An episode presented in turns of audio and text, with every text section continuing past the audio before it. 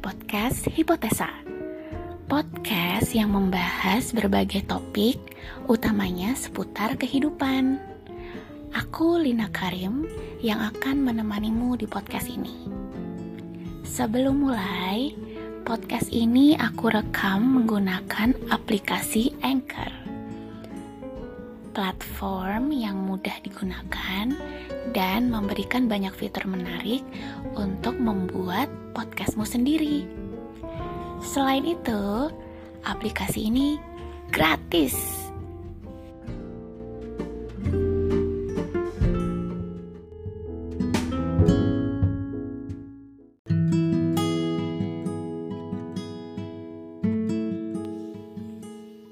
Baru-baru ini di Instagram, aku sering lihat orang-orang yang bikin reels dengan nampilin foto mereka waktu umurnya masih belasan tahun.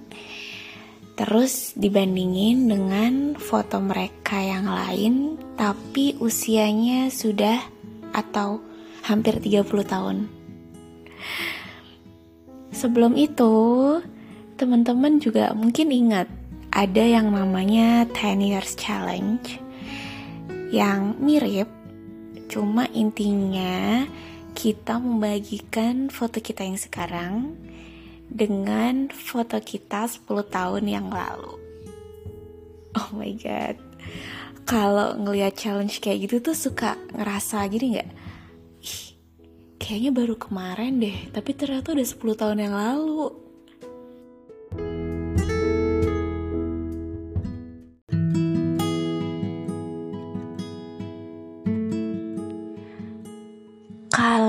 Dari apa namanya challenge itu kan dari kita yang masih usia muda dibandingkan dengan usia kita saat ini yang mungkin bisa dibilang usia puncak puncaknya. Kenapa aku bilang kayak gini? Aku cuma pakai logika aja sih kayak uh, life ekspektansinya kita itu kan sekitar usia 70 Berarti tengah-tengahnya itu sekitar usia 30 sampai 35-an. Dari sana pun kita tuh berada di titik tengah. Kalau di kurva mungkin kita tuh ada di puncak-puncaknya. Sekarang kita ngebayangin kalau challenge itu, challenge yang ada di Instagram itu dilakukan 10 tahun lagi.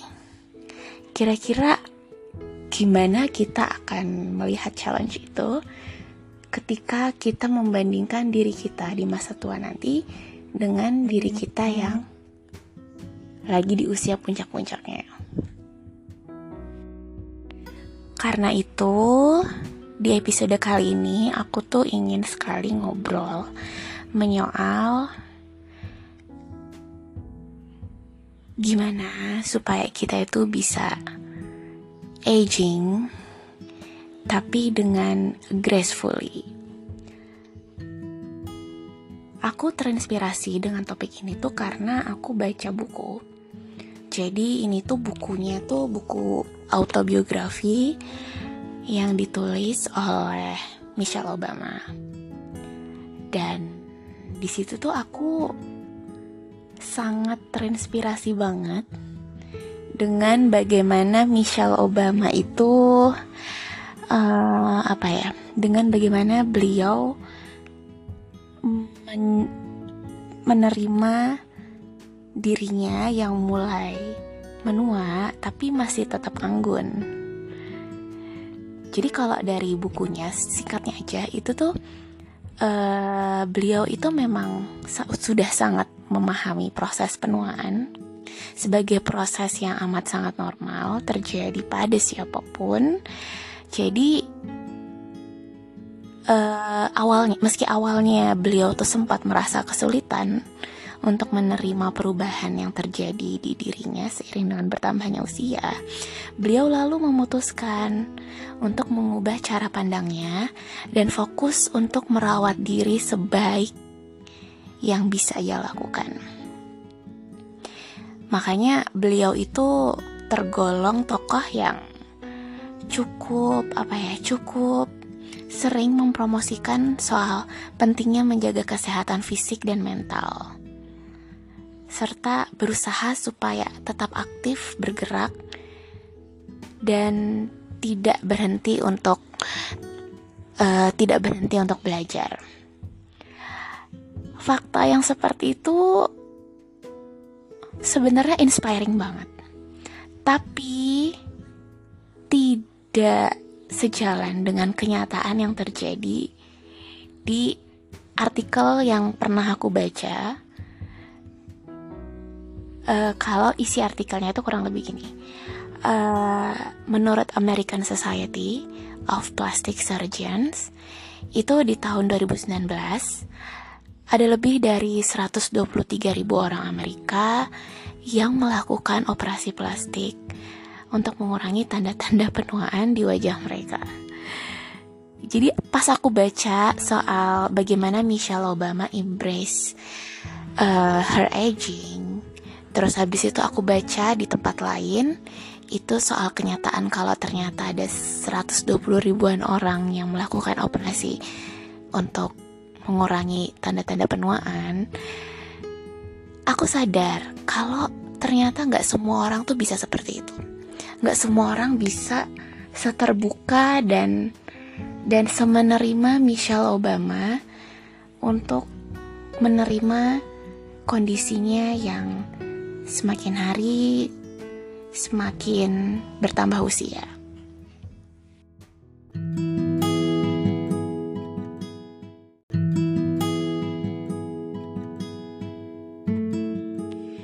Jadi sebenarnya apa yang membuat penuaan itu seperti kayak menakutkan bagi sebagian besar orang.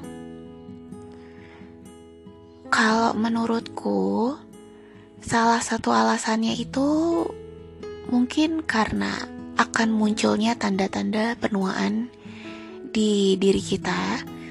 Misalnya kalau di wajah gitu kayak mulai keriput, mulai ada garis-garis halus, dan kulitnya udah nggak kencang lagi, nggak kayak waktu masih muda. Sampai kenyataan kalau pelan-pelan gerak kita akan semakin terbatas karena adanya perubahan fisik di diri kita.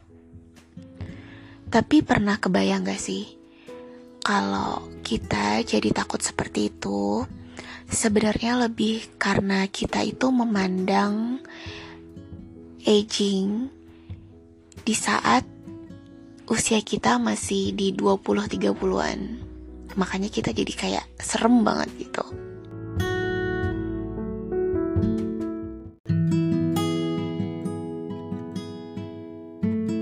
Jadi aku sempat baca artikel di The Guardian.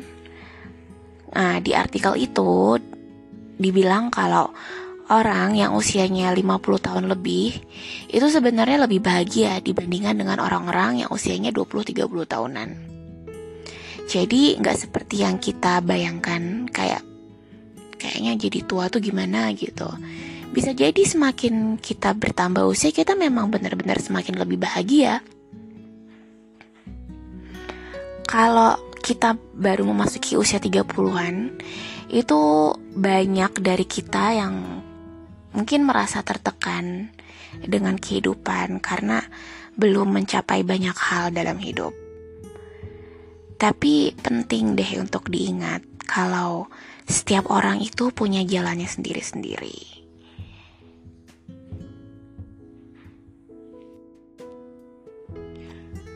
Menurut sebuah studi dari Universitas California, orang yang memiliki pandangan positif tentang penuaan cenderung hidup lebih lama dibandingkan mereka yang memiliki pandangan negatif.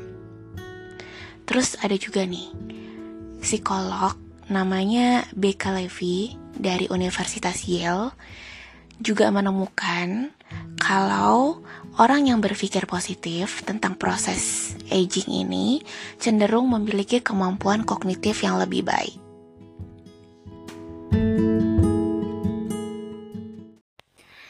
Jadi sering kali ketika kita membicarakan tentang proses aging, kita sering memikirkan hal-hal negatif seperti penurunan kesehatan, penurunan kecantikan, dan penurunan produktivitas. Tapi pada kenyataannya, proses aging itu dapat menjadi masa-masa yang sebenarnya penuh dengan keindahan, hikmah, dan pengalaman hidup yang berharga. Masa-masa dewasa memberikan kita banyak kesempatan untuk mengeksplorasi dan menemukan passion baru yang mungkin nggak pernah kita lakukan saat masih muda. Kita juga dapat mengeksplorasi dunia dengan lebih bebas dan tanpa beban, menciptakan hubungan yang lebih bermakna dengan keluarga dan teman-teman, serta mengembangkan kebijaksanaan yang didapat dari pengalaman hidup yang tidak kita peroleh sebelumnya selama masih muda. Selain itu, di usia yang lebih tua, kita juga bisa belajar untuk lebih bersyukur dan merayakan kehidupan. Kita dapat lebih fokus pada hal-hal yang penting, seperti kesehatan, keluarga, dan kebahagiaan-kebahagiaan kecil lainnya serta membiarkan hal-hal seperti penampilan atau popularitas nggak lagi menjadi prioritas utama. Tentu saja, proses aging ini nggak selamanya mudah, karena ada tantangan dan perubahan yang tetap harus dihadapi, seperti penurunan kemampuan fisik, kehilangan orang-orang yang kita sayangi, dan bahkan menghadapi kematian. Tapi dengan sikap yang positif dan kebijaksanaan yang didapat dari pengalaman-pengalaman yang sebelumnya, kita dapat menghadapi tantangan tersebut dengan lebih tenang dan bijaksana.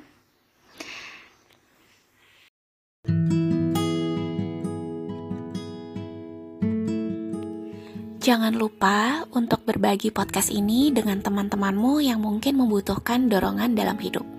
Kita semua bisa saling membantu dan mendukung satu sama lain dalam menjalani kehidupan.